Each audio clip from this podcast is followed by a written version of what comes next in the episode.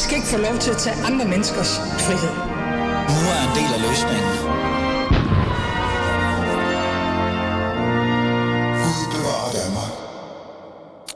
fyringsrunder og økonomisk afmatning. Det er, hvad Danmark bevæger sig ind i. Det er i hvert fald det, man hører. Øh, virksomheder er begyndt at fyre medarbejdere, fordi udgifterne til særlig energi tordner sig op, og vi hører mere og mere om inflation, selvom vi tror, det et eller andet sted er væk. Fra november til, stem, til december steg ledigheden derfor med i alt 2.600 personer. Men inden for få år er der ingen jobcenter at henvende sig til for dem, som i virkeligheden så bliver ledige. Så hvad skal der så ske? Landets 94 kommunale jobcenter bliver nemlig nedlagt, øh, lover Socialdemokratiet, Venstre og Moderaterne i det her regeringsgrundlag. Og så skal hele beskæftigelsesindsatsen skæres med 3 milliarder kroner. Det er cirka en fjerdedel af hele indsatsen. Regeringen lægger altså også op til at i stedet at samle hovedparten af jobindsatsen på private hænder gennem A-kassen og private bureauer. Så det vil sige, at alt skal bare på en eller anden måde måske endda også privatiseres. Men hvad bliver egentlig konsekvenserne af alt det her? Hvad er egentlig op og ned, og hvor skal man så gå hen, hvis man er ledig eller arbejdsløs? Hmm. Det har jeg tænkt mig at finde ud af i dagens afsnit af Alis Fædernand. Og mit navn er som altid Ali Amin Ali. Lad os komme i gang med det.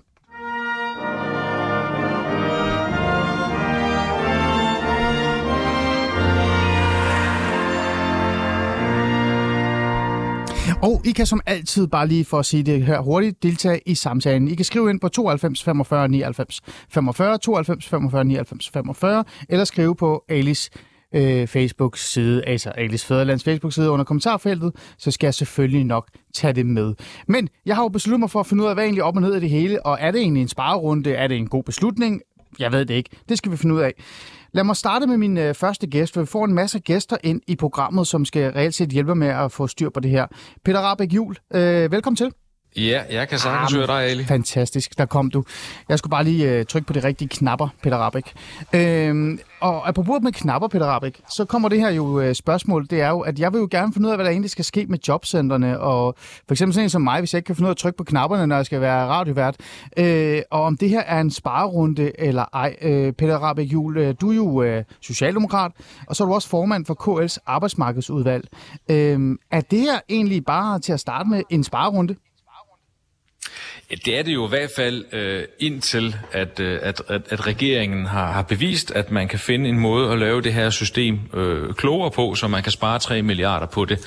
Øh, og vi synes jo nok lidt fra kommunernes side af, at man har grebet den her udfordring lidt omvendt an. Altså i virkeligheden er man jo i gang med at høste, før man har sået. Mm. Øh, og når det er sagt, altså, så vil vi rigtig gerne være med til at, at forbedre og reformere øh, beskæftigelsessystemet, for det ser vi også, der er et, øh, et, et kæmpe behov for. Men vi, vi synes, den rigtige fremgangsmåde, det vil være at finde ud af, hvordan kan vi øh, forny, hvordan kan vi nytænke det her øh, system, som jo baserer sig på en over 30.000 sider stor lovgivning, som både borgere, virksomheder og ikke mindst vores kommunale medarbejdere har meget svært ved at manøvrere i. Ja. Øh, det vil vi gerne være med til at, at, at starte forfra på. Men øh, man kan nødt til at så og kultivere, før man kan, kan høste. Og her har man jo ligesom øh, sagt, at det er 3 mm. milliarder, der skal, der skal høstes, og så kan man jo begynde at regne bagud på det. Ja. Øh, du er jo, som jeg sagde, socialdemokrat, og så er du faktisk også til daglig borgmester i Odense og formand for KL's arbejdsmarkedsudvalg. Øh, Peter Rabeck, jeg er jo tidligere social rådgiver og har blandet mig i den her øh, debat omkring, hvordan jobcenterne er og hvad det burde være rigtig mange gange. Det her det er jo ikke noget nyt, at man taler om, at man skal spare osv. osv. Og nu virker det jo som om, som jeg sagde, øh, regeringen vil trække over 3 millioner kroner ud af kommunalt jobcentersystem, som koster i omegnen 11 millioner kroner. Øh, der er jo ikke noget nyt ved det her, men så alligevel, så det man lægger op til, Peter Rabeck, det er jo decideret at lukke jobcentrene. Det kan jo have kæmpe betydning. Ja, det kan det, hvis man lukker ned og lukker for de indsatser, der, der er. Og, og det er jo lidt svært at blive klog på, når man læser regeringsgrunden. Nu skal du selvfølgelig lige have lov til at komme i gang og også øh, komme på banen med, hvad er det for en, en, en proces, og hvad er det, at de tænker med udgangspunkt i det, der står i regeringsgrundlaget. Øh, men det haster også, øh, fordi at i det omfang, man vil spare penge, altså det er jo det er omkring 30 procent af den, øh, af den øh, økonomi, der er til den kommunale del af beskæftigelsesindsatsen. Ah. Og, og, og det, er, altså det, det, er, det, er, det er ret voldsomt, øh, mm. øh, og det kan have nogle, nogle ret store øh, konsekvenser både rent menneskeligt, hvis der er sådan, at de indsatser, der skal hjælpe ledige øh, tilbage på arbejdsmarkedet, eller, eller finde det niveau, de kan være med på arbejdsmarkedet, de forsvinder. Mm. Øh, og, og, og hjælper vi ikke øh, ledige tilbage i job, eller har en forventning om, at, at man skal arbejde med det, man nu kan bidrage til, jamen så er det jo virkelig den aktive beskæftigelsespolitik, man kommer til at, ja at ryste med, og det kan gå ud over arbejdsudbuddet, som mm. også har nogle samfundsøkonomiske konsekvenser. Så, mm. så der, er, det, der, der er en risiko ved det her på, på, på rigtig mange plan, som øh, der i hvert fald bekymrer mig. Mm. Og det er jo så spørgsmålet, om de reelt set har tænkt på det, eller om det her det bare også er øh, en god måde at sige, nu brænder vi det hele ned. Øh, det er så mig, der siger det. Men, men, men Peter Rabeck, der er jo noget, jeg lagde mærke altså til. Også, det er der altså også, det er der altså også partiledere, der har sagt. Øh, det er der jo nemlig. Sådan lidt, lidt, lidt hård retorik, ja. når at, øh, vi synes set har ret veluddannede folk øh, ja. siddende, som jo brænder for at gå på arbejde for at hjælpe, en, en, hjælpe dem, de møder. Mm. Altså vores borgere, dem der har ramt af ledighed og også andre problemer i livet, ja. prøve at hjælpe dem ja. det kommer vi, sted, øh, ikke? Det kommer vi ind på, for vi har faktisk dem med i, i programmet her senere. Men Peter Rappe, der er noget, jeg lagde mærke til, du sagde. Det var, at du sagde øh, øh, 3 milliarder, og så kan man begynde at regne bagud. Hvad mente du egentlig med det? Jamen, hvis, hvis, hvis, hvis præmissen er, at, øh, at det her det handler om, at man skal finde 3 milliarder mere, end det handler om, at man vil lave en bedre beskæftigelsespolitik, så, så bliver det jo en spareøvelse, så bliver det jo et spørgsmål om, hvordan at regeringen kan få de penge til de løfter, de har afgivet på, på andre områder. Ah. Og så er der jo, altså, det vil jo dræbe en, en, en, en hver lyst til, til, til, til, til medvirken. Hmm. Øh, og, og, og jeg vil også advare imod det, fordi det, det, det er risikabelt bare at, at, at presse de der besparelser igennem. Hmm. Fordi selvom at beskæftigelsessystemet har nogle åbenlyse øh, udfordringer, som, hvis du spørger mig, i høj grad bunder i den detaljerede lovgivning, hvor man styrer enormt meget på processer, hmm. så øh, bidrager den jo faktisk også til, at ledigheden falder øh, også for de grupper, der er længere væk fra, fra arbejdsmarkedet. Peter, øh, ja, Peter Rabeck, øhm... Så det har, det, har, det har simpelthen en effekt for, for, for mennesker og for, for samfundet, ja. der sker lige nu, på ja. trods af de udfordringer, der er. Så er det godt, det her det er et holdningsbordet program, øh, så jeg kan sige, det er enig med dig i. Det er ikke bare klassisk journalistik. Øh, jeg er fuldstændig enig med dig, Peter Rabeck. Men det som øh, sådan en som dig, også i virkeligheden mig, øh, når jeg øh, potentielt for eksempel har forsvaret øh, jobcenteren, er blevet øh, altså, mødt med kritikmæssigt, det er jo, at jobcenteren er jo ikke god nok kommunerne er jo ikke gode nok til at få ledet i arbejde. Dansk Industris opgørelse fra 2019 viste, at øh, kun en tredjedel af deres medlemsvirksomheder rekrutterer via jobcenterne. Det er jo ikke, øh, det er jo ikke, det er jo ikke godt. Øh, er der også noget med i forhold til det her med, om man faktisk bare ikke har levet op til opgaven? Og, og det er jo den del der. Jamen, det, det skal jo også bygge lidt på den præmis, at det er der skal stå for al rekruttering i Danmark. Det er det jo ikke. Det er der mange, der gør, og det er sådan set godt.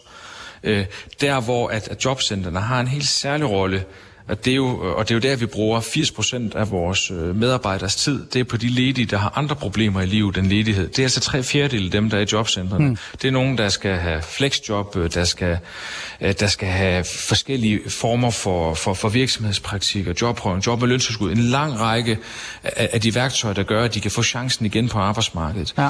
Og, og, og hvis der ikke er nogen der har ressourcer til at, at hjælpe dem, tage sig af dem, connecte dem med virksomhederne, jamen så, så, er det jo, altså, så kommer de jo kun ud og får lov til at være en del af et arbejdsfællesskab, ah. og prøve at komme, hvad kan man sige, komme komme i god jobform igen, ja. hvis der er en virksomhed, der tager telefonen og ringer til dem. Hmm. Øh, så så det, det, det skal man ikke underkende. Og så når man spørger virksomhederne, og det, det gør vi faktisk ret ofte, så er det så 80 procent af virksomhederne, de er meget glade for jobstanderne. Og det er jo fordi, der er en enstrengt indgang. Der er et sted, de skal henvende sig.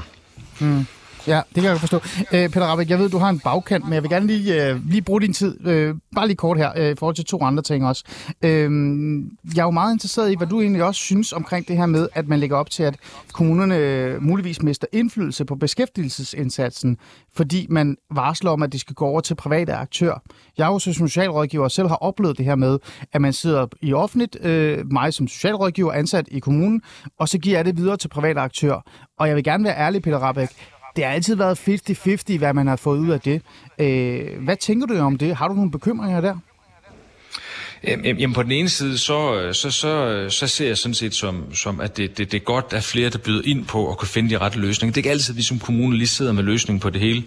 Øh, på den anden side, så, så, så, skal man jo ikke, så skal man jo ikke lave et systemeksperiment, øh, i, i forhold til de ting, der rent faktisk virker. Og der er mange ting, især for de borgere, der har andre problemer i livet, en lidighed, Ja. der fungerer godt mm. øh, med udgangspunkt i, i, i, i kommunen og i den, den sagsbehandling, øh, øh, vi har. Så jeg, jeg synes egentlig, dit 50-50-billede er, er, er måske, me- måske egentlig meget godt mm. på, øh, hvordan det er, at, at, at tingene tilstand er. Mm. Og jeg synes jo, det er det, man skal tage udgangspunkt i, øh, og ikke, altså, ikke et forsøg på at, at, at billiggøre et, øh, et, et system, Øh, Ah, ja. øh, hvor, hvor det så også indbefatter, at man skal rykke det hele rundt og, og kaste det hele rundt.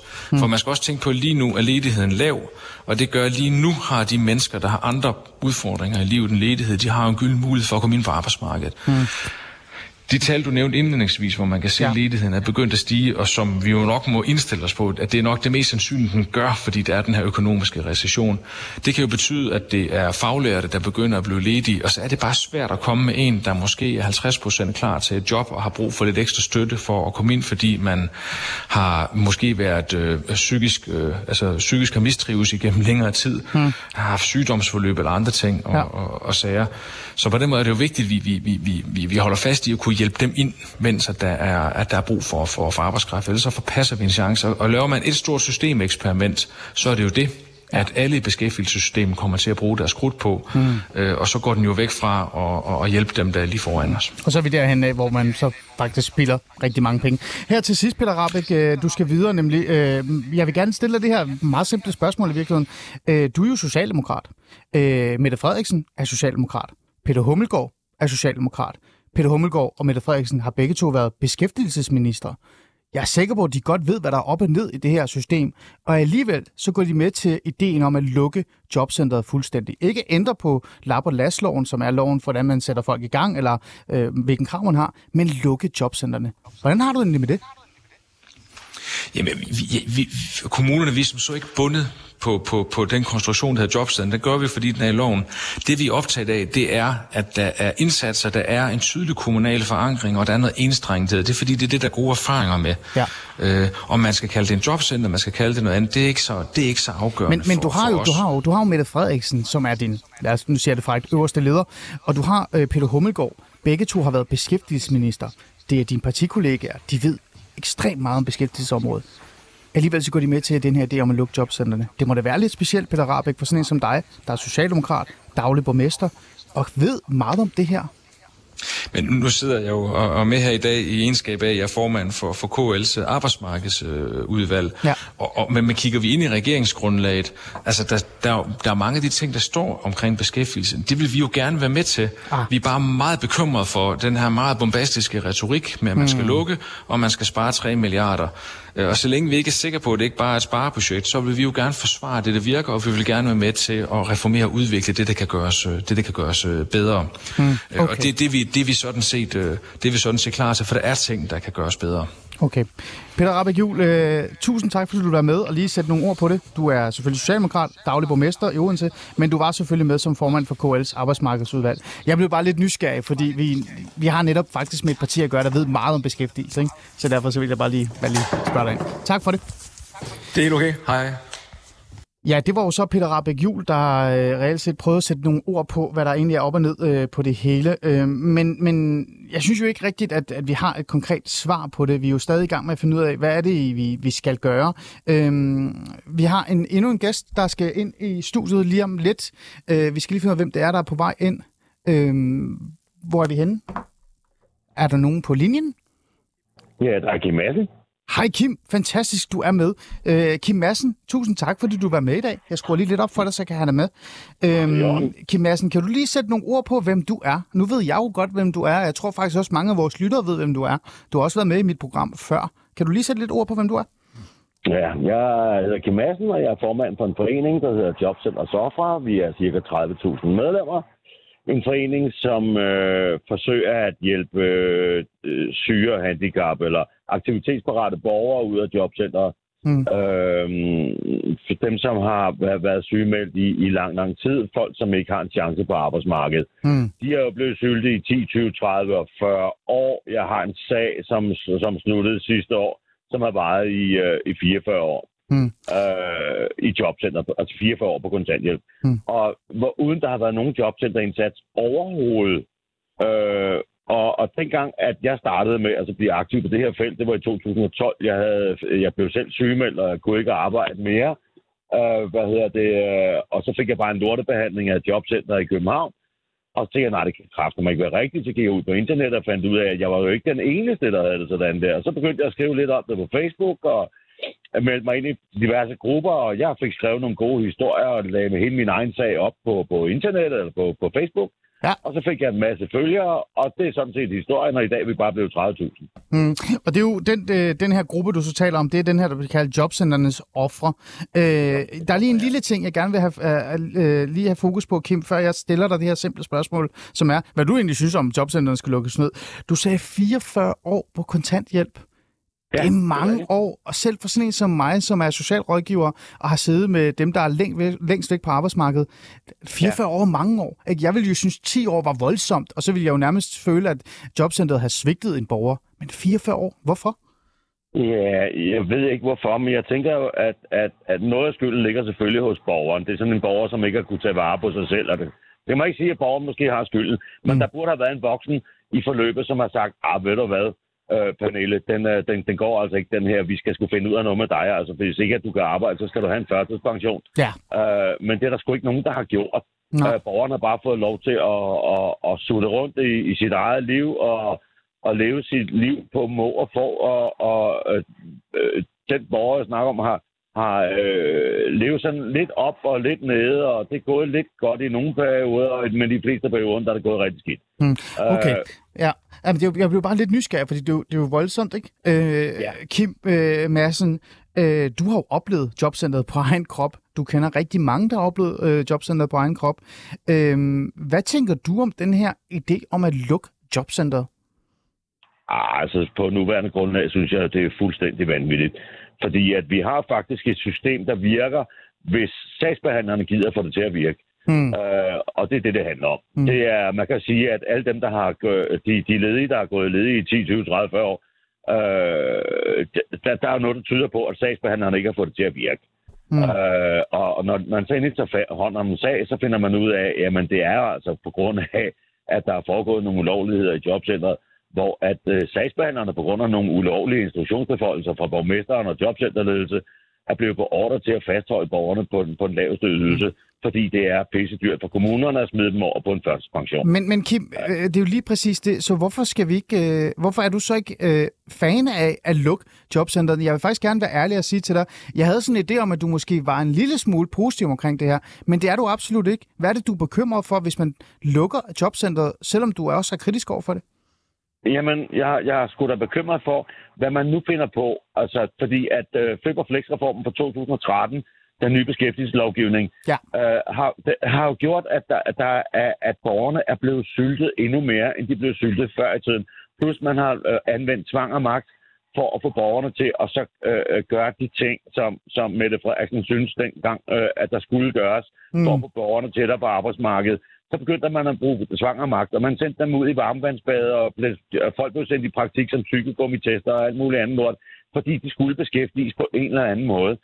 Uh, og den der tvang og magt, man har, man, man har brugt, det har bare gjort gjort de syge borgere endnu mere syge. Men, er du, men, men Kim, jeg skal bare forstå, er du bange for, at hvis man lukker jobcentret, så kommer der endnu mere af det? Fordi der er blevet lagt op til, at det skal være private aktører, der skal overtage den her øh, indsats, og dem tænker jeg, dem har du også haft på egen krop, de her private aktører.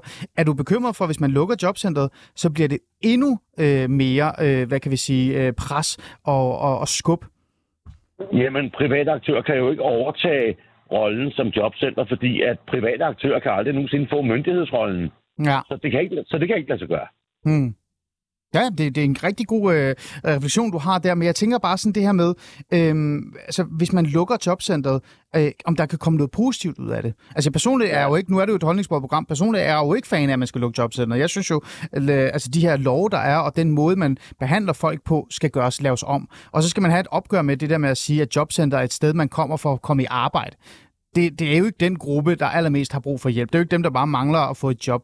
Øh, men nevertheless, så er vi her, Kim Madsen. Jobcenterne skal lukkes. Øh, tror du, der kan komme noget positivt ud af det? Nej, der kan simpelthen nej. Fordi mm. når de sidste 10 år med den nye reform, øh, der, det, det virker som om, det var et forsøg, og, og det, det var det jo faktisk også, fordi at Mette Frederiksen gerne ville forsøge at få folk tættere på arbejdsmarkedet. Så skal vi så til at så lave et nyt 10-årigt øh, øh, forsøg, sådan så borgerne kommer længere bagud i køen. Mm. Øh, altså, det, det virker for mig totalt åndssvagt, at, at man forsøger at lave et nyt forsøg med folk, der i forvejen ligger nede i randstenen og lider noget. Altså, det, det giver slet ikke mening. Vi, lige nu har vi faktisk en beskæftigelseslovgivning, som virker, hvis man vil have den til at virke. Det har jeg og mange andre også, der vist. Der er en whistleblower, Bitte Jensen fra Frederiksberg, hvad hedder det, uh, som, som I alle sammen nok har set i udsendelsen Håbløst Arbejde på TV2. Ja. Uh, ja, vi har, vi, vi har forsøgt i, i de sidste 10 år at, at, at få folk længere væk fra jobcenter i stedet for tættere på arbejdsmarkedet, fordi det er folk, der er så syge, mm. så de ikke kan mere. De er slidt af jobcenter. Okay, godt. Kim, du må lige blive, blive hængende, fordi jeg har fået en ny gæst i studiet, øh, som jeg synes, at vi lige skal lytte til, og så kan det være, at du måske har en kommentar eller to også til det hele. Ja, du kalder bare på mig. Det, det skal jeg nok gøre, Kim.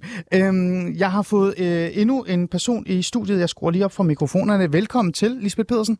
Tak. Du må gerne komme lidt tættere på mikrofonen, så kan jeg, øh, så altså alt godt.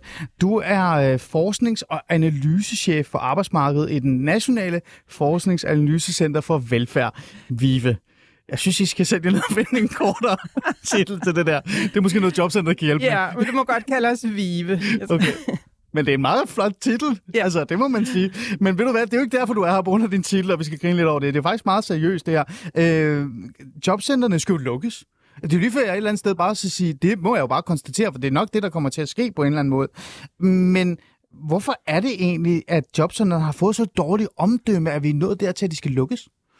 Øh, ja, altså jobcentrene har fået et urimeligt dårligt omdømme. Jeg ved så ikke, om det er derfor, at de skal lukkes. Mm. Altså det tænker jeg, der også er noget, at man også har set på noget økonomi, at man tænker, at man kan spare nogle penge ved at, mm. at nedlægge jobcentrene. Øhm, og så synes jeg, det er svært, også når man går ind og læser regeringsgrundlaget, hvad der egentlig ligger i, at jobcentrene skal nedlægges, som man siger. Det er ikke helt tydeligt, hvad det betyder, faktisk. Mm. Grunden til, at jeg siger det der med, at jobcentrene har fået det her dårlige øh, omdømme, som måske er med til at, at, at, at få den her idé om, det skal lukkes, det er jo det der med, at man hører så mange øh, historier i, i medierne omkring folk, der er sengeliggende og alligevel skal til aktivering, eller spildt penge, eller folk, der bare reelt set ikke gider at, at deltage aktivt, alligevel kan blive på kontanthjælp igen og igen og igen. Så man har fået en idé om, at jobcentrene er alligevel ikke et sted, man går ind for at få arbejde. Det er et sted, hvor man snylter, det er et sted, hvor man spilder penge. Tror du ikke, den omdømme, bare lige kort, har været med til at gøre, at det altså legitimerer, at, at man skal lukke dem så? Altså, det ved jeg ikke, og det håber jeg ikke, fordi uh, jobcentrene har gjort en, en masse godt for, uh, for udviklingen i vores samfund og for ledigheden og ledighedsniveauet. Det tror jeg egentlig, at dem, som er inde i sagerne, uh, godt er klar over. Hmm. Øhm, så kan man kigge på, om alle har fået det rigtige. Øh, der kan man ikke lige nødvendigvis sætte hovedet på blokken på, at, at det er sådan, det er. Vi har nogle udsatte grupper, som jobcentrene har gjort rigtig meget for at have kæmpet med, men hvor vi ikke rigtig er lykkedes. Og der kan det godt være, at der er behov for lidt en revision og se på, hvad er det egentlig, vi skal tilbyde de her mennesker. Hmm. Og så har vi en meget stærk gruppe ledige, som faktisk kommer ret hurtigt i beskæftigelse. Og hmm. ind imellem de to grupper, så har vi en gruppe, som øh, har gode muligheder for at komme på arbejdsmarkedet, men som nok skal have noget hjælp. Hmm. Så om det, at vi nedlægger jobcentrene, betyder, at vi nedlægger indsatsen, det vil være en super dårlig idé. Hmm. Men det kan godt være, at vi skal kigge på, øh, hvordan vi øh, leverer indsatsen øh, til de ledige, vi har. Men der er ingen tvivl om, at der er en opgave, der skal løses. Øhm, du kommer jo lidt ind på det her med, at jobcenteret er mere end bare jobcenteret. For hvis du spørger den almindelige dansker, så tror de fleste danskere, at jobcenteret står for at hjælpe folk i arbejde. Det er det. Men jobcenteret indeholder jo også tre grupper nærmest. Ikke? Dem, der er lang, længst væk fra arbejdsmarkedet, dem, der er i nærheden, og så er det dem, der hurtigt kan komme øh, i job, men har brug for en, en, en særlig støtte eller hjælp. Øh, siger du, at i stedet for, at man skal lukke jobcentrene, så burde man overveje at splitte den op i tre dele, måske? Altså det er jo det, man kan sige, øh, det har jeg ikke noget helt præcis bud på, men det er det, regeringsgrundlaget lægger op til, kan man sige. At, øh, de... Men det er bare ikke det, de går ud og tordner med. De går ud og siger, at vi lukker det hele. Ja, det er rigtigt. Det er, øh, det er måske lidt en unuanceret formidler. Det er jo heller ikke, øh, det er jo heller ikke foldet ud i regeringsgrundlaget, hvordan de egentlig vil gøre de her ting. I forhold til, jeg vil godt lige vende tilbage til det, du snakker om med, regering, med ja. jobcenternes ja. dårlige omdømme. Altså det har jo, øh, tænker jeg, i meget høj grad været nogle gode øh, avishistorier. Sådan er det også med andre offentlige ydelser, pleje, plejecentre osv. Ja, det er absolut. de dårlige historier, vi får. Vi har la- der er ikke lavet landstækkende undersøgelser af, hvad brugerne tænker om jobcentrene. Vi har lavet nogle store undersøgelser fra Københavns Kommune, som faktisk viser, at langt de fleste borgere øh, har en meget positiv oplevelse af møde med sagsbehandlerne. Mm. Det er over 80 procent, der synes, at det, har, at det har været et godt møde. Det er ikke det samme som, at de lovpriser systemet, men de har fået en god oplevelse ved at møde sagsbehandlerne. Og det hører vi alt for lidt om, synes jeg. Så mm. altså sagsbehandlerne derude gør et, et super godt stykke arbejde. Det kan vi også se, når vi har undersøgt, om de faktisk har forstået, hvad de skal, og sådan, sådan nogle undersøgelser har man også lavet. Implementerer de rent faktisk regeringspolitik? Ja, det må man sige, de gør. Så mm. jobcentermedarbejderne gør et fint og godt stykke arbejde, men altså medierne, kan man så sige, gør måske ikke så godt et stykke arbejde i forhold til at, at øh, udbrede, hvad der egentlig er, der foregår, og, og det kan jo også, det er jo problematisk, synes jeg, for de medarbejdere, der arbejder i de her centre. Det er jo ikke fedt at have et arbejdssted, mm. som man bliver, hvor man bliver set ned på eller hakket på, eller hvad man gør. Men de gør det faktisk ganske udmærket. Derfor er det jo ikke sikkert, at den måde, som systemet har indrettet indsatsen på, er den helt rigtige. Mm. Man kan også øh, komme med den øh, konklusion, at Elisabeth Pedersen, at lovgivningen også er ekstremt svært at forstå. Så når, altså, når selv medarbejderne, jeg har jo selv været tidligere socialrådgiver, når vi har svært ved at følge med, hvor hurtigt lap- og øh, loven blev ændret, så er det også svært for medierne overhovedet at følge med i, hvad fanden der er op og ned af det hele. Så er det nemmere at tage de her enkeltsager øh, og så kaste dem i hovedet på folk. Men det ændrer jo bare stadig ikke på det der med ideen om, at der så skal, øh, jamen der skal måske nedlægges, det skal videre til private aktører, og der skal spares penge. Øh, jeg, vil nysgerrig, øh, jeg vil gerne lige stille dig det her spørgsmål, før jeg trækker Kim ind i programmet igen. Hvad betyder det for det offentlige beskæftigelsessystem, øh, altså at øh, 11 milliarder kroner, øh, altså at de har 11 milliarder kroner, at man så hiver 3 milliarder kroner ud af det? Uh, altså, det er ikke noget, jeg eller vi har regnet på i VIVE, altså hvad, hvad det egentlig kommer til at betyde. Det er klart, at man skal tænke sig rigtig godt om, hvordan man får organiseret denne her indsats, øh, så den rent faktisk bliver mere effektiv. Vi har lidt dårlige erfaringer med de private aktører tilbage fra 2002, hvor man jo også, det er jo ikke nyt, at man vil sætte private aktører på banen. Øh, det gjorde man også i 2002 i forbindelse med flere i arbejde-reformen, og det viste sig faktisk efterfølgende, at de havde været mindre effektive end det kommunale system og det statslige system. Så, og det er jo ikke det samme som, at man ikke kan lave noget med private aktører, der kan fungere, men man skal i hvert fald tænke sig om, hvordan man gør det, fordi vi har ikke gode erfaringer med det indtil videre. Mm. Kim Madsen, jeg vil gerne lige trække dig ind i, uh, i samtalen her. Øh, det, er jo, det er jo lidt specielt, øh, og jeg indrømmer det også over for dig, at jeg troede, du var mere skeptisk i forhold til det her jobcenter. Du er jo en af dem, der har mærket jobcenteren på egen krop. Du kender mange, der har oplevet jobcenteret på egen krop. Du er kritisk, du har været kritisk højt, og alligevel så siger du, som du sagde før, du vil heller ikke lukke jobcentret. Øh, kan du genkende det her med, at, at jobcentret er nuanceret? Der er mange, der har brug for hjælp, som kan blive tabt, hvis det er, man, øh, man ikke er, øh, altså passer på her? Ja, hvis ikke man passer på, så ender man bare med... Altså, de udsatte, som, som er i jobcentret. Vi har 80.000 udsatte i jobcentret lige nu, som står og venter på flexjob eller førtidspension, og det er primært førtidspension fordi det er øh, borgere, som har været uden for arbejdsmarkedet i over 10 år. Mm. Øh, og de kommer, de kommer nok aldrig på arbejdsmarkedet igen. Og de er så syge, så de ikke... Altså, og det, det er jo ikke på grund af dogenskab, eller på grund af, at der ikke er nogen vil ansætte dem. Det er simpelthen på grund af sygdom. Ah. Øh, og, og, og så giver det jo ikke mening, at man skal piske dem igennem et, et nyt, for, nyt 10-årigt forsøg, når man allerede har brugt de sidste 10 år på at finde ud af, at det kan ikke lade sig gøre, mm. så, altså, så er der jo ikke andre udveje end at give dem det der, øh, visitere dem til de fleksjob og de førtidspensioner, de skal have. Mm. Og, og med hensyn til forbrugerundersøgelser eller brugerundersøgelser i jobcenter, ja. øh, hvor, hvor, der er 80, hvor, hvor, hvor, hvor, hvor man oplyser, at 80 procent er rigtig glade for, deres, øh, øh for det, det møde, de har med jobcenter. Men det er også rigtig nok 80 procent af sagsbehandlerne, de er rigtig, rigtig søde og rare, men de gør sgu bare ikke deres arbejde ordentligt. Mm. Og det er der, vi har problemet, fordi hvis de gjorde deres arbejde ordentligt, så kunne de gøre nøjagtigt det samme, som jeg kan gøre. Jeg har vundet over 550 sager om førtidspension øh, de sidste 10 år, som partsrepræsentant og bisidder. Øh, og så tænker jeg, hvorfor er det, det kun skal tage mig mellem 6 og 18 måneder at få en førtidspension igennem til en syg borger, når det skal tage jobcenter 20, 30 og 40 år? Mm. Det er det, jeg ikke forstår. Ja. Der, altså, hvorfor er det, at en sagsbehandler ikke kan gøre nøjagtigt det samme, som jeg kan? Hmm. Kim, lad mig lige øh, prøve at stille det spørgsmål på en kringlet måde til Lisbeth Pedersen. Så, øh, fordi at øh, det Kim han beskriver her, det er jo netop de, de, de sorte sider af jobcentret. Selvom at jobcenter-medarbejderne øh, gør alt, hvad de kan, og de løber. Altså, jeg har jo som sagt selv været der.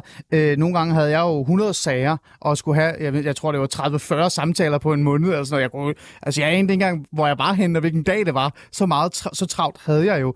Øh, men det ændrer jo ikke på, at der er noget, der er galt. Øh, er det ikke bare lovgivningen, der, der ødelægger det hele? Altså er det ikke den her lapper las øh, lov om beskæftigelse og lov om aktiv indsats, sådan noget, der gør, at det hele går i stykker? Er det ikke der, man skal gå ind og ændre noget, i stedet for at komme med idéer og tanker om at lukke det hele og gentænke alt? Altså man skal jo alle omstændigheder jo ind og kigge på lovgivning, og det er jo også det, regeringen lægger op til, kan man sige. Altså hvem skal gøre hvad og for hvem, ikke? Og, øh, og når der har, er kommet øh, så mange problemer med at få førtidspensionister ud i førtidspension, så er det jo ikke så er det jo øh, noget, vi har besluttet gennem lovgivning, og det er jo det, den enkelte sagsbehandler sidder med. Vi har jo stoppet øh, tilgangen til førtidspension, fordi man synes, der kom alt for mange, og fordi dem, mange af dem, der kom ud i førtidspension, de faktisk også fik det bedre med tiden, og så var de faktisk helt udelukket fra arbejdsmarkedet. Det er det, der er lidt af problemet med førtidspension, det er, hvis folk først er ude i førtidspension, så kommer de aldrig tilbage igen. Og det kan være et problem, hvis det er unge mennesker, vi taler om, som kan få det bedre. Altså så er de i et liv, hmm. helt uden for arbejdsmarkedet. Det, det synes jeg, øh, det kan godt være problematisk. Så er der andre, øh, som er ældre, øh, som godt kan, som måske skulle have haft en førtidspension. Øh, det, er, øh, det er folk, der er så psykisk syge og, og fysisk syge, så det ikke giver mening. Men det er svært at skelne mellem de her grupper, og det er det, sagsbehandlerne har stået i. Ja, men så sagde du det jo også selv, at det er lovgivningen, der har forhindret for eksempel, at flere kunne få førtidspension. Det er lovgivningen, der har forhindret især også den der fokus, der har været, om man kan eller ikke kan. Altså, hvis du ikke kan med højre hånd, så burde du kun med venstre hånd. Det der med at prøve folk, virksomhedspraktikker osv., det er lovgivning, og lovgivningen er jo politikerne, der har sørget for, at den lovgivning eksisterer, som den gør. Så hvorfor er det ikke, at politikerne, øh, den her såkaldte regering henover med den, sætter sig ned og siger, ved du hvad, vores lovgivning inden for området er forfærdelig. Det brænder vi ned og starter forfra i stedet for at sige, at hele systemet skal nærmest brændes ned, og der skal spares 3 milliarder. Jamen det øh, tænker jeg da også, at de må gå ind og kigge på lovgivning. Det er jo en del af det at lave organisering om. Hvis ikke længere det er øh, jobcentrene, der skal tage sig af dagpengemodtagerne, så skal der jo laves en ændring af lovgivningen. Mm. Så det er, selvfølgelig er det politikernes ansvar. Jeg tænker også, det er politikerne, der tager bolden op her mm. og kigger på systemet. Mm. Men det er jo bare ikke lige til. Øh, Kim Madsen var jo faktisk også inde på øh, en, en rigtig god point. Hvem skal så have myndighedskasketten på?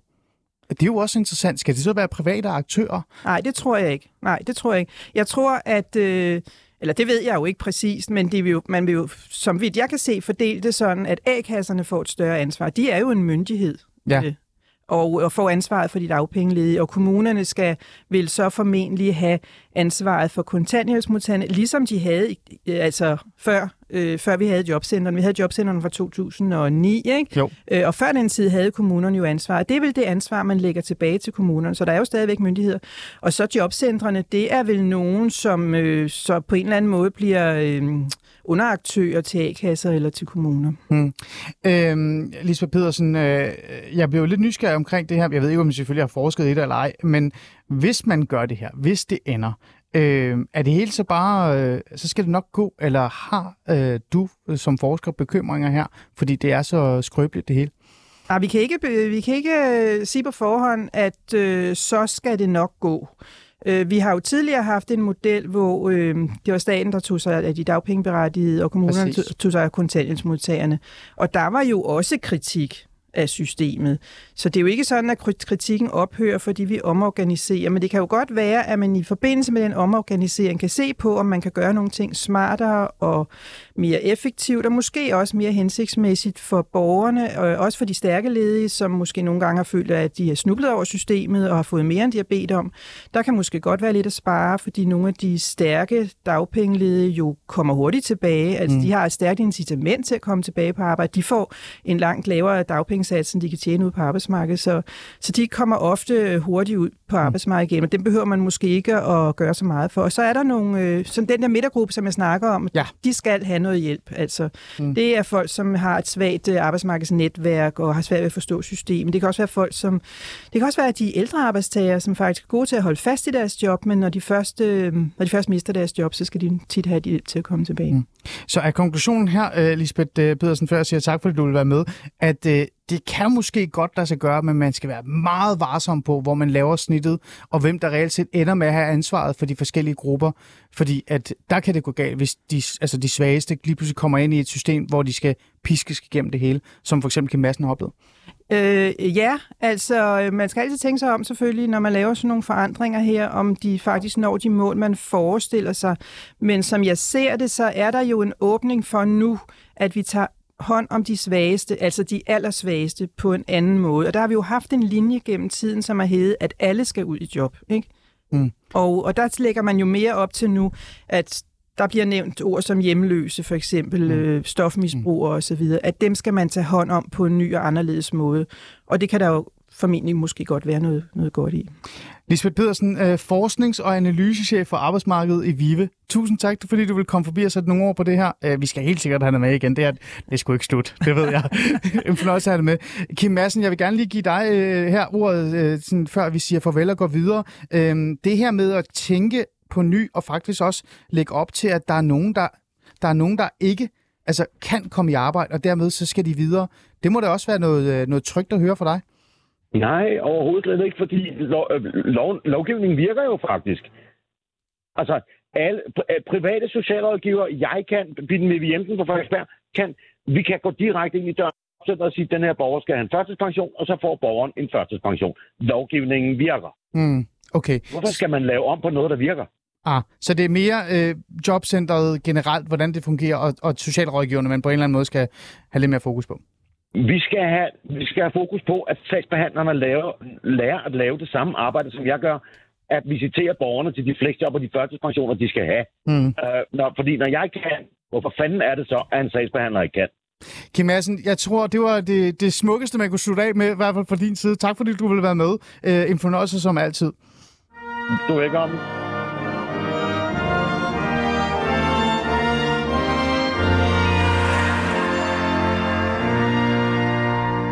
Og I lytter stadig til Alice Fæderland. Vi er godt i gang med en debat om, hvad hun der skal ske med jobcentrene. Jobcentrene skal lukkes jo. Det har jeg jo nærmest haft lyst til at konkludere i noget tid nu, for det, det er jo det, regeringen lægger op til. Men hvad så? Altså helt ærligt, hvad så? Hvem skal så varetage det job? Hvem skal hjælpe de svageste i samfundet? Hvem skal reelt set hjælpe folk i arbejde? Er det private aktører? Er det sådan en eller anden jungle, vi skal ind i? Det prøver jeg på en eller anden måde at finde ud af at få lidt øh, styr på. Jeg har haft Peter Rabeck Jul med, formand for KL's arbejdsmarkedsudvalg, som godt kan sige, at jeg var en lille smule bekymret for det hele. Og så har jeg haft Lisbeth Pedersen, forsknings- og analysechef for arbejdsmarkedet VIVE, i studiet for at sætte lidt mere forskerord på det. Det er sådan noget, min redaktør godt kan lide, selvom vi prøver at have et politisk magasin her, kigger på ham og griner lidt. Men så har jeg også haft Kim Madsen i studiet, øh, eller i hvert fald med over en linje, som har været en del af Jobcenters ofte i rigtig mange år. Han har også haft det på egen krop. Det er jo sjovt og interessant at lytte til det her med, at man selv har oplevet det, men man alligevel forsvarer det. Det synes jeg har været meget interessant. Men vi er jo ikke færdige. Vi skal jo stadig have lidt mere ord på det her, og hvad er det egentlig, der op og ned. Så derfor så har jeg her en ny gæst i studiet, eller med over telefon. Jeg trykker lige på knapperne for at se, om øh, personen er med. Øhm, øh, skal vi se, hvem har vi? Maja Thorsen, er du med? Det kan du tro, jeg er. Fantastisk. Tak fordi du vil være med, øh, Maj. Du er privat... Ja, tak for, jeg måtte medvirke. Selvfølgelig. Du er privatpraktiserende praktiserende socialrådgiver, og så har du øh, et eller andet sted øh, været en, en kæmper øh, kan man sige. Du har kæmpet for borgernes sag rigtig, rigtig mange år, men jeg synes faktisk mm. også, du har kæmpet for socialrådgiverne på en måde, fordi du netop har sat fokus på nogle af de problemstillinger, der er, som socialrådgiverne nogle gange kan ende ud i, fordi de reelt set ikke kan passe deres arbejde, eller har svært ved at passe deres arbejde. Det er fordi, jeg synes nogle gange, så får man at vide, at uh, sådan, nogle, sådan nogle som dig, I tænker kun på jeres borgere. Jeg synes faktisk også, at du har gjort noget for systemet. Uh, jeg vil gerne lige uh, afspille noget her, som jeg synes, du lige skal, skal høre uh, først. Uh, det er en, uh, et uh, interview, min kollega Karoline uh, Frødgaard Hansen har talt med enhedslistens beskæftigelsesordfører Victoria Velasquez. Og hun kalder jobcenterne for et kafkask system og frygter, at regeringen lægger op til en spareøvelse. Lad os lige lytte til det, før vi to går i gang med en god snak om, hvad der hun er op og ned af det hele. Nogle af de magtpartier, som står bag de over 30.000 siders lovgivning, der har skabt det her kraftkaske system, øh, vedkender sig det og vil gøre noget ved det. Øhm, den kritiske vinkel vil være, at de har fundet en billig måde at spare penge på, at de ikke har tænkt sig at rydde op i de her 30.000 siders lovgivning, og at når kommunerne så oplever de her nedskæringer, så er det faktisk på ældreområdet, på skoleområdet, nedskæringerne vil finde sted. Men fra Christiansborg kan vi sige, at intentionen var, at det var jobcentrene. Så i dine øjne er det her så blot bare en spareøvelse? Det er det, jeg godt kan være bange for, men også noget af det, som jeg ser som den vigtigste opgave lige nu at sørge for, at det skal det ikke. Det er vigtigt, at den kritik, som der er kommet fra rigtig mange sider, både fra borgere, ansatte, rigsrevision, fra journalister, som har gravet at, øh, at den bliver hørt og bliver taget alvorligt. Og at det jo ikke er jobcentrene i sig selv som en bygning, som gør, at folk bliver mere syge. Øh, efter de har været i systemet, da de kom ind i systemet. Det er jo den gift og den mistillid, der sidder i væggene, som er et resultat af den lovgivning, der kommer fra Christiansborg. Og det er den, vi skal have gjort noget ved. Så hvis vi ligesom kigger på det, de har udlagt ind til videre, øh, har du så en principiel modstand om at gå imod det? Nej, altså som princip, så øh, synes jeg, det er en rigtig god idé at kigge på. Jobcentrene er jo en resultat af den lovgivning, som der er kommet, så det synes jeg er rigtig positivt. Det, der kan gøre mig bekymret, det er, at rigtig mange af dem, der sidder fast i jobcentret, er egentlig folk, der burde have fået en øh, socialpolitisk indsats, eller en hjælp på en anden måde, eller nogen, som er, er syge. Og, øh, og det, at hovedopgaven først bliver, at man skal spare en masse penge, i stedet for at se på, hvad det rent faktisk der er brug for, og hvor meget vil det så komme til at koste. Øh, det kan godt gøre mig lidt bekymret, om regeringen er mere optaget af bare at skulle spare en masse penge, end rent faktisk at skulle hjælpe de her mennesker. Men jeg er ikke i tvivl om, at der er et kæmpe potentiale for at kunne bruge ressourcerne langt bedre. Og vi har også selv sendt fire siders forslag til beskæftigelsesministeren om ting, vi mener, Og hvad, man kunne skære fra. og hvad er det for nogle forslag? Det kan konkret være for eksempel, hvis du øh, er på en arbejdsplads, og du kommer ud for en arbejdsskade, øh, og, øh, og så øh, lige er blevet suget sammen for eksempel, og så ved man, der går denne her tid, hvor du skal forholde dig i ro, og øh, så kan du skulle komme tilbage igen på arbejde, ligesom, ligesom før. Og der er ikke noget med, at arbejdsgiveren øh, fyrer dig eller andet. Der giver det simpelthen ikke nogen mening, at du skal ned til jobcentret og have samtaler der. Altså, der er en klar aftale mellem øh, lønmodtagerne og arbejdsgiveren, og det er simpelthen spild af ressourcer, nogle af de ting, der sker der. Og hvad med sådan noget med, at de også gerne vil gøre A-kasser og private leverandører, altså de skal spille en større rolle i indsatsen? Altså sådan, er det også noget, I er med på? Ja, vi har lige aftalt her inden sommerferien faktisk, at A-kasserne øh, skal have et øh, større ansvar for nogle af dem, som er mere ressourcestærke øh, ledige, som kan være nogle, der, der de har måske typisk sæsonarbejde, mister arbejdet, så kan komme i, i job. Det jeg godt kan være lidt nervøs for, det er, øh, om, øh, om hvis nu det er, nogle gange kan der jo godt ske nogle ting, hvor at der er sket noget i ens liv, som måske også er medvirkende til, at man ikke har det arbejde, man har haft tidligere, eller, eller sådan noget. Altså, der hvor at, at der er brug for lidt flere forskellige ting, for at man lige kan komme på benene igen. Vil det, Øhm, vil det så på ja. en eller anden måde svække de lediges rettigheder eller mulighed for at komme ind på arbejdsmarkedet, hvis man nu gør det mere privat? Jamen, det er nemlig det ikke, fordi A-kasserne synes jeg giver rigtig god mening, fordi det er nogen, der har kendskab til dine rettigheder og har kendskab til de, den branche, som du arbejder indenfor. Hvor private aktører, altså hvis der er nogen, der gerne vil ind i det her marked for at kunne få noget, øh, noget profit, der er godt nok langt mellem snapsene. Altså jeg har været på nogle steder, hvor at det har været nogle super dygtige, kvalificerede folk, der har været i nogle af de her socialøkonomiske virksomheder. Og så er der også nogle, hvor det er bare sådan noget samlebånd, hvor folk bare kommer ind, skal trykke på en knap, og så får de en eller anden øh, undervisning, hvis man kan kalde det det, hvor de bare skal sidde og lytte, men som overhovedet ikke giver mening ud fra den situation, de er i, og så bare ud igen. Ja, Maja Thorsen, øh, det var jo en, øh, et lidt klippet øh, øh hvad hedder det, øh, interview, øh, som Velasquez har lagt ud, øh, eller i hvert fald har lavet med os, omkring hvad hun mener, der skal ske med jobcentrene, eller burde ske. Øh, et kafkask system og frygter, at regeringen lægger op til spareøvelser.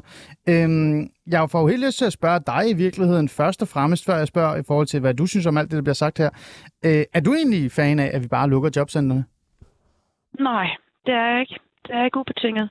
Fordi øh, øh, ligesom flere andre, der har medvirket i dag, så er jeg også bekymret for, hvad der kommer til at træde i stedet for. Og jeg er også bekymret for de besparelser, man allerede tænker nu.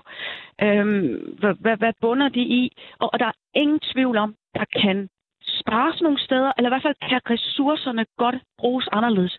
For i guder, hvor bliver der brugt meget tid på nyttesløst arbejde ude i øh, jobcentrene. Mm. Og det må en del socialrådgiver også sidde og tænke derude. Mm.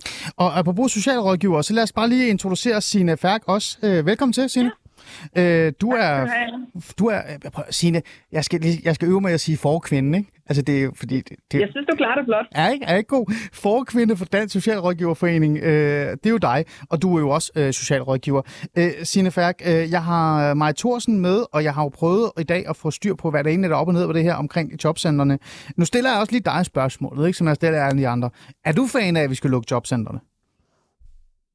Ja, det kommer an på, hvad de sætter i stedet. Men altså, vi har jo... Altså, du afviser det ikke? Vi har jo kaldt på nytænkning i mange år Ah. og forsøgt at råbe politikerne op øh, om, at man kan lave et system, som giver meget bedre mening, både for den enkelte ledige og for de socialrådgiver, der arbejder derude, og som bare brænder efter at bruge deres faglighed. Så det, at de vil nytænke, synes vi er, er rigtig godt.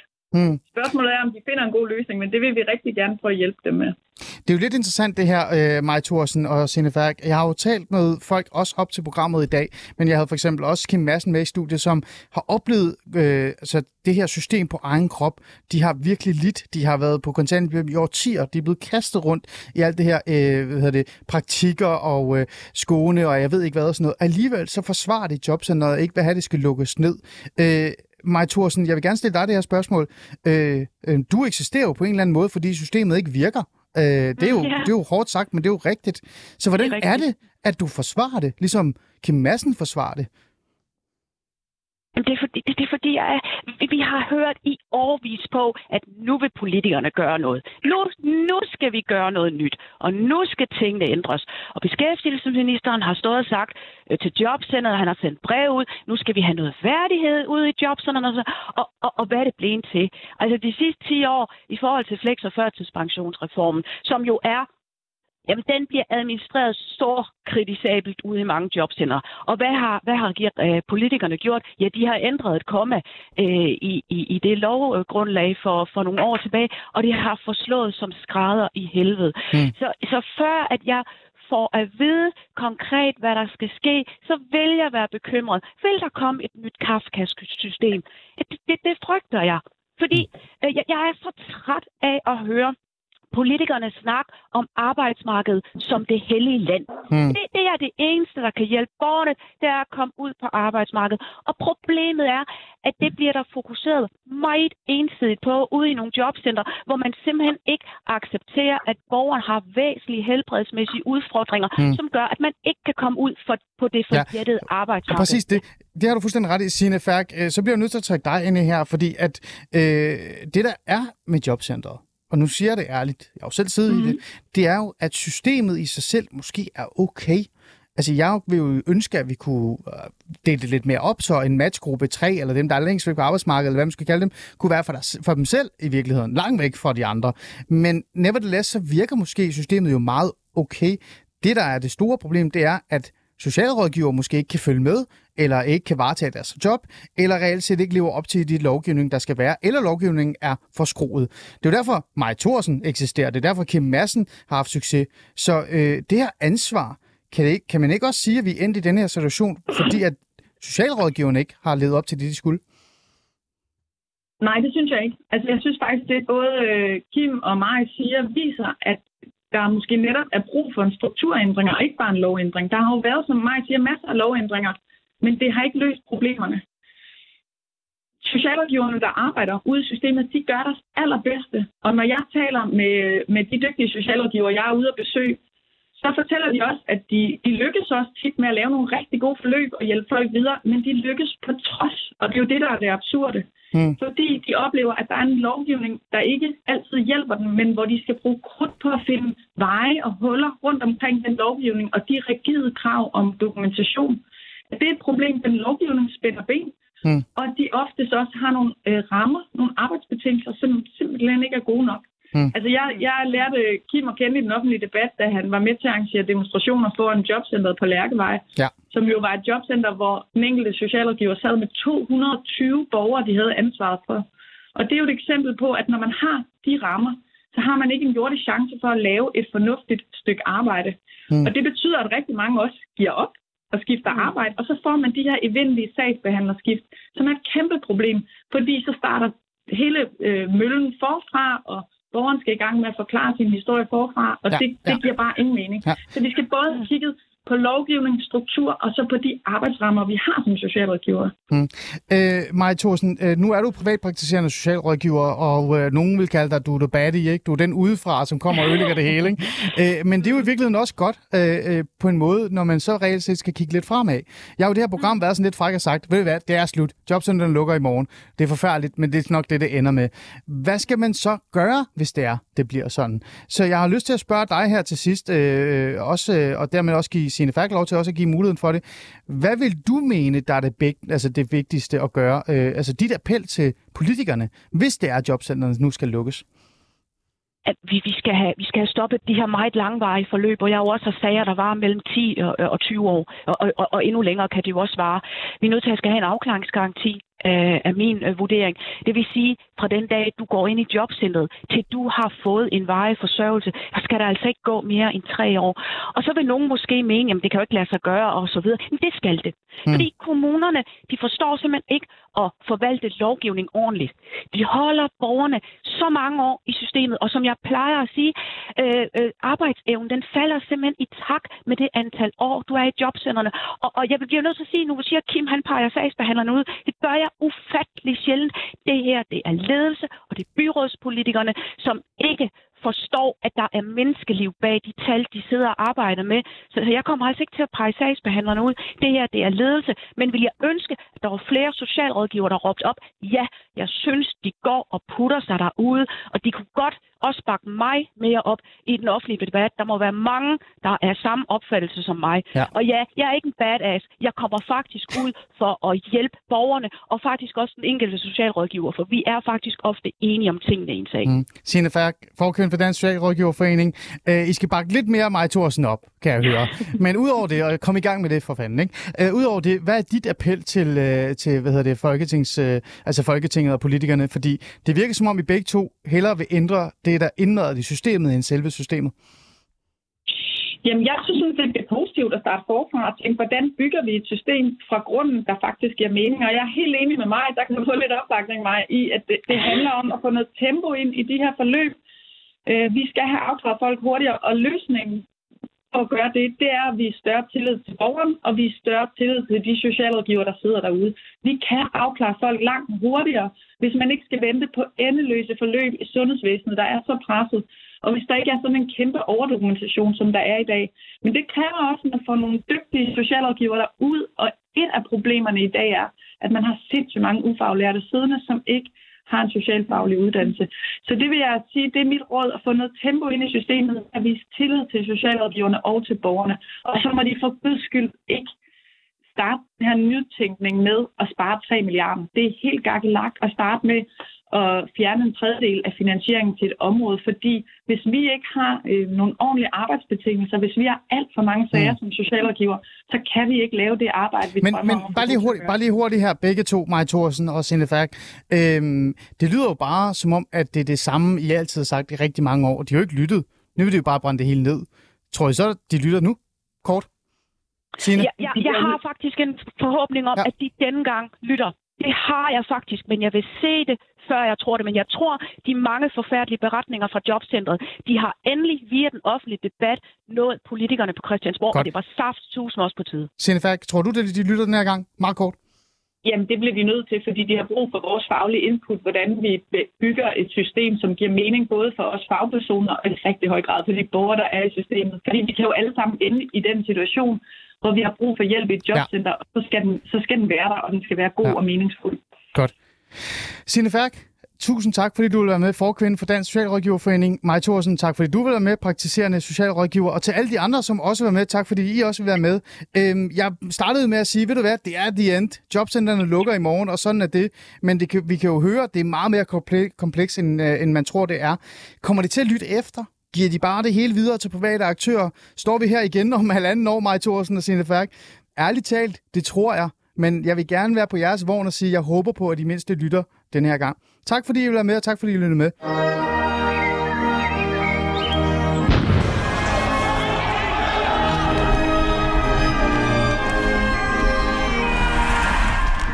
I skal ikke få lov til at tage andre menneskers frihed.